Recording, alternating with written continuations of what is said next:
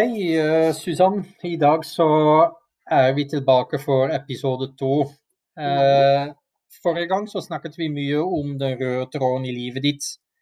Uh, mens denne episoden tenker jeg kaller vi for den lille forandringen. Ja.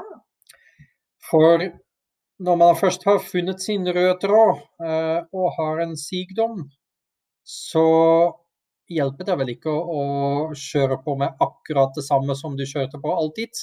Nei. Eh, så man må ha en liten forandring. Eh, og du som har vært personlig trener, som jobber nå i egen klinikk, du har møtt mange mennesker som vil ta grep på eget liv. Det er jo ingenting som er vanskeligere enn å endre dine egne rutiner.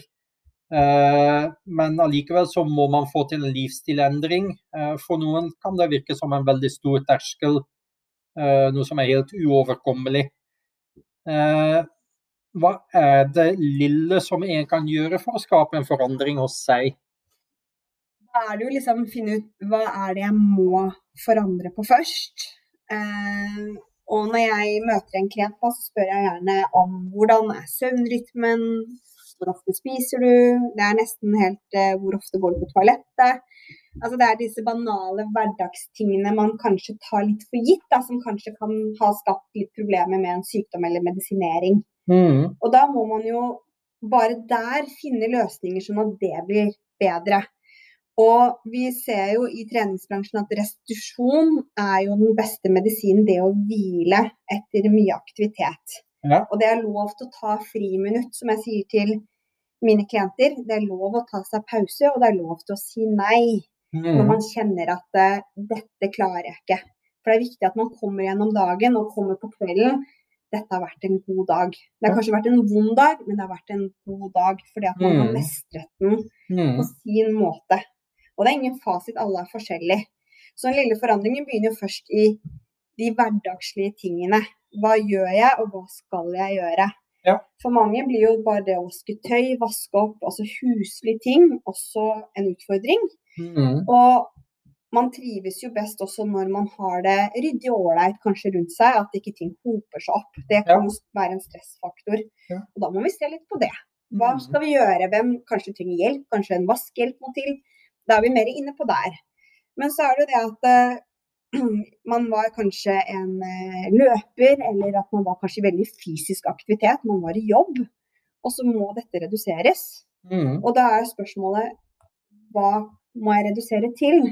Kan jeg beholde det jeg likevel driver med, men mindre mengde eller mindre intensitet? Mm. Eller må jeg gå helt vekk fra det? Mm. Um, og sånn er det liksom sånn å ta bort en leke eller sjokolade fra et barn òg altså bokstavelig talt ta det helt bort. Det blir jo mm. feil, det òg. Så der kommer igjen det vi snakket om i forrige episode, den røde tråden. Hva er det jeg kan trives med for å likevel ha det bra? Ja. Ikke sant? At jeg prøver å kompensere med det er bedre å gjøre litt enn mm. ingenting. Mm. Det å ha noe av det jeg trives med, er godt likevel. Eh, så selv om jeg var en løper, da, så er man kanskje glad i naturen. OK, jeg er fortsatt i naturen, men jeg må gå kortere turer. Kanskje nye løyper. Ikke sant? Så det er et eksempel på det å forandre de mm, små mm. tingene for at man likevel har det ålreit.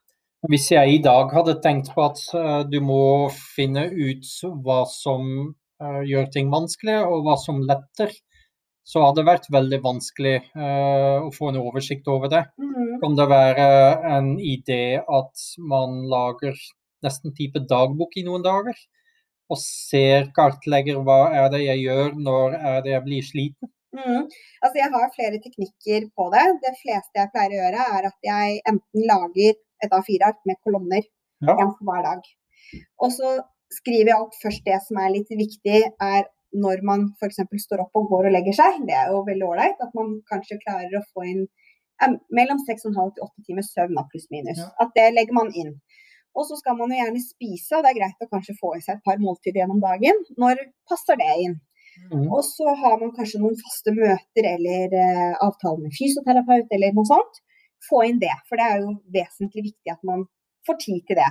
Og at man har god tid mellom hver aktivitet. Og så kommer man kanskje inn på jeg liker å ha det ryddig i huset, det jeg får kanskje vasket der. Ok, setter inn det, for da må jeg være hjemme og åpne. Og så kommer da det andre sosiale fysisk aktivitet, hobbyer, andre ting inn da, som man kan kanskje sjonglere på, men det hadde vært ålreit å få til. Ja. Så det er kanskje én måte å gjøre det på, kanskje litt med farge, for da har man litt oversikt over når ting skjer. At kanskje det som er rødt er superviktig, det som er grønt har med meg og min helse å gjøre, og det som har en litt lystig farge er ting jeg kan flytte på. Mm. Eh, På den måten så føles det ikke feil da hvis man må gjøre noen justeringer. Så ser man og det har jeg tid til, dette har jeg kapasitet til. Sånn at det ikke blir for mye. Ja. Og da sier jeg maks fem ting per dag. Av både praktiske og gode ting. Og en annen ting som jeg også sier til mine klienter her også, er jo det at det, prøv å ha en halvtime der du verken ser på en PC-skjerm, mobil, TV. Mm. Lær å lytte, kjede deg litt. For det har også kroppen litt Ja. godt av. Ja. Um, så det er én måte å gjøre det på. Eller så kan man jo lage en lang liste og krysse skjema og ser egentlig altså alt fra aktiviteter til sånne ting, type ting. Og så har du hver dag bortover hele måneden, og så kan man krysse av når man gjør de forskjellige Mm. tingene. Og se hva er det som uteblir, hva er det overhodet ikke klarer lenger. Eh, men da blir det veldig detaljert, og plutselig kan man bli styrt av det. Ja. Så det kan bli litt Jeg tenker det blir litt sånn livsadministrasjon. Ja, Eh, og, og da tenker jeg forsvinner all spontanitet. Ikke sant? Og det er viktig å være fleksibel, og så er det viktig å høre på kroppen. Så jeg tror det med å lage en kolonne for hver dag, og liksom hva må jeg, hva bør jeg, de viktige avtalene, og så ta det litt derifra, så at i løpet av uken har du klart å gjøre det du har tenkt å gjøre, da. Mm. Eh, og når man ser at man huker av ting, så bare åh, dette mestret jeg, dette gikk jo fint, jeg har mer kapasitet, fantastisk. Nei, dette gikk ikke. Jeg klarte ikke halvparten av det jeg hadde tenkt. Nei, da bør kanskje neste uke reduseres litt, og så må man si litt nei, da. Mm. Eller få hjelp. Mm. Det er lov til å be om hjelp. Ja. Mm, ikke vær redd for det når man er dårlig. Hvordan, uh, hvordan motiverer du deg selv? Har du noen tips der? Jeg vet at noen mennesker henger uh, en lapp med dagens mål på kjøleskapdøra. Har du noen sånne tips? Jeg eh, starter alltid dagen med å si at jeg er god nok nøyaktig sånn som jeg er per nå. Ja. Eh, og gjør en liten trudelutt i senga med tøy og bøy, for da vet jeg at da er jeg good to go. Men jeg har alltid en gulrot av løpet av dagen som jeg gleder meg til. Mm. Og jeg har også den beste gulroten sammen med den kjipeste oppgaven. Ja. For å si det sånn. Og Det vil si at eh, jeg får ikke eh, spist den gulroten før jeg har vært gjennom den kjipe oppgaven. Så du danser mens du surfsuger? For eksempel. Eller hører på god musikk, eller synger, eller eh, skal til eh, noen å besøke på kvelden, f.eks. Som, eh, så vet jeg at hvis jeg gjør dette her, så smaker det så veldig godt å klare det etterpå. Mm. Um, men jeg har veldig lett for å motivere meg selv at dette, det meste jeg gjør er veldig lystbetont. Ja. Og så bretter jeg opp armene til ting som er litt kjipt. Og Mm. gjør det så tidlig som mulig på dagen, bare for å bli ferdig med det. Ja. For jeg vet aldri hva morgendagen bringer. Føler du at livet ditt har blitt mer rutinepreget etter, eh, etter at du ble syk? Eller er du fortsatt den samme spontane som før? Både og i perioder. Um, jeg var veldig flink pikesyndrom som tenåring og ung voksen før jeg ble syk, og det var nok fordi jeg ikke visste hva som skjedde i kroppen, så jeg måtte ha kontroll Ja. på noe. Um, men når jeg har kommet nå i dag, så ja, jeg sitter hver søndag og planlegger uken min, men jeg gjør det sånn som jeg forklarte i stad, at jeg fyller den ikke opp mer enn jeg vet at jeg har kapasitet til. Eh, og jeg har en sjunk i, i boken min der hvor det står liksom private ting, og det er ting jeg kan delegere til samboer og familie om jeg trenger hjelp. Mm. Sånn at eh, jeg ikke rekker det ikke, så kan jeg sende en melding. Hei, har du lyst til, eller har du mulighet til å hjelpe meg med dette, for jeg, når ikke til i dag. Eller kanskje kan ta det i morgen. Men ja, jeg er nok strukturert, men jeg er også sånn Ja ja, det her går fint om ikke. Det er ikke kritisk. Da er det på prioritering på det som angår andre, prioriterer jeg framfor ting som kanskje jeg kan vente noen dager med for Mm. min egen del. Da. Så jeg er veldig lojal mot møter og tid, eh, så langt det lar seg helsemessig gjøre. Ja. Og bortsett fra det, så er jeg litt mer fleksibel. Og Ja. etter jeg ble gravid, så har jeg liksom tenkt at eh, kroppen gjør som den selv vil, og jeg bare henger med på lasset. Jeg har aldri vært så avslappet. Jeg, så så det, det skal jeg fortsette å ta med meg. Jeg tenker også at det er viktig at eh, folk eh, ser på den lille livsstilforandringen, akkurat som vi sier det, at eh, den lille forandringen Mm. eh, For terskelen til å kaste livet helt rundt er så mye større enn å ta bitte små grep og se at det hjelper. Mm. Um, når du tenker på livet ditt, hva, hva har vært den viktigste lille forandringen som har skjedd hos deg etter at du ble syk? Ja. Gi faen. Ja. Eh, det var noe jeg måtte lære til å slippe tak, Mm. egentlig. Og klamre meg fast i f.eks. både fortiden min. Ja. At Jeg får ikke gjort noe med gårsdagen, Nei. men jeg kan påvirke dagen i dag til morgendagen. Mm. Um, det er en ting. En annen ting er det at jeg tok meg selv veldig veldig høytidelig og ble veldig sår, for det var sykdommen som på en måte gikk overhånd over meg. da. Mm. Sånn at jeg følte at jeg, nå fulgte jeg ikke med, jeg gjorde ikke de riktige målene, jeg laget en feil annonse på Finn for et eller annet. Og så begynner jeg å hylgrine, for jeg blir så skuffet over meg selv for sånne ting jeg burde ha, ha gjort riktig. ikke sant? Sånne banale ting, da. Og det har jeg nå lært å bare børste av skulderen og si at vet du hva for noe? Shit happens. Det er min feil. Og så ta telefonen. Beklager, jeg har gjort feilmål. Jeg tror ikke dette passer hjemme hos deg. Altså, så enkelt som Mm. det, da.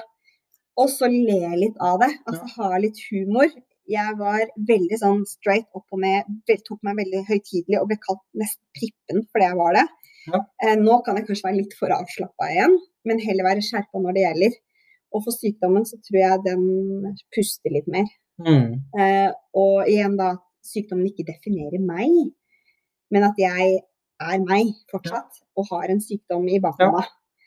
Eh, og slippe litt tak på det, ikke bruke det som en unnskyldning igjen. Mhm. Litt sånn som vi snakket om i, i første episode, og ikke komme disse unnskyldningene hele tiden, men la det være som Ja. det er. Ja.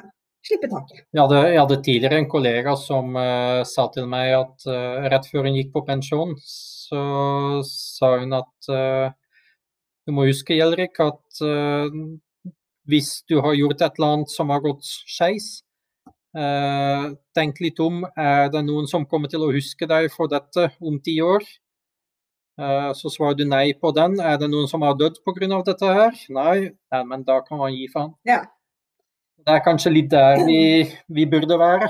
Ja, jeg også tror det. Og det at man får en kronisk sykdom er for mange et slag i trynet. Mm. Eh, man er gjennom en sorgprosess, som at man mister noe av seg selv kanskje, og så får man også noe, for du får jo en informasjon du kan bruke som et verktøy. Mm. Og jeg også tenker litt på det at når jeg fikk slag i trynet, så Jeg var 24 og har kjempet ja, siden jeg var to, da, uten å egentlig fått med meg at jeg har hatt smerter siden jeg var to år.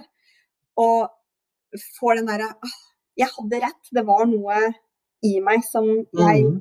skulle uttrykke meg ut da, og ikke klarte. Og enn kan jeg si det er faktisk Sjøgrens syndrom. Sånn er det. Mm. Men så er det sånn Ja, men shit, hva gjør jeg nå, da? ikke sant? Og det å bare la det være. Ikke, ikke bruk det som en unnskyldning, men bruk det heller som igjen da, noe å jobbe videre med. da. Mm. Og heller ta det som en fordel, kanskje. Ja, nesten, nesten at det er blitt en ressurs. Ja. Ikke sant? Så jeg tror det er noe med den mentale innstilling på at ikke si 'stakkars meg', men hm, hvordan skal vi bruke dette til at jeg får bedre livsstil eller bedre hverdag? Ja. Nå har jeg kanskje muligheten til å gjøre en forandring som jeg har tenkt litt på en god stund. da. Mm. Ikke sant? At eh, nå kan jeg faktisk utnytte dette til å få hjelp til å bli en bedre versjon av meg selv. Og kanskje det hjelper sykdommen til at jeg har en bedre hverdag også. Mm. For jeg må redusere. Jeg kan faktisk ta meg tid til å redusere og ta vare på meg selv. Eh, og det tror jeg er litt viktig å tenke litt på. Så snu litt på ting, da. Ja, for det er litt morsomt å tenke på det at kanskje hadde du ikke vært den samme Susanne uten den sykdommen. da. Jeg er faktisk eh, litt Jeg tenker litt sånn jeg også, at eh, hvem hadde jeg vært uten sykdommen? Og min mor sier det også fint, at du ville aldri vært i den posisjonen du er i dag uten den sykdommen. Ja.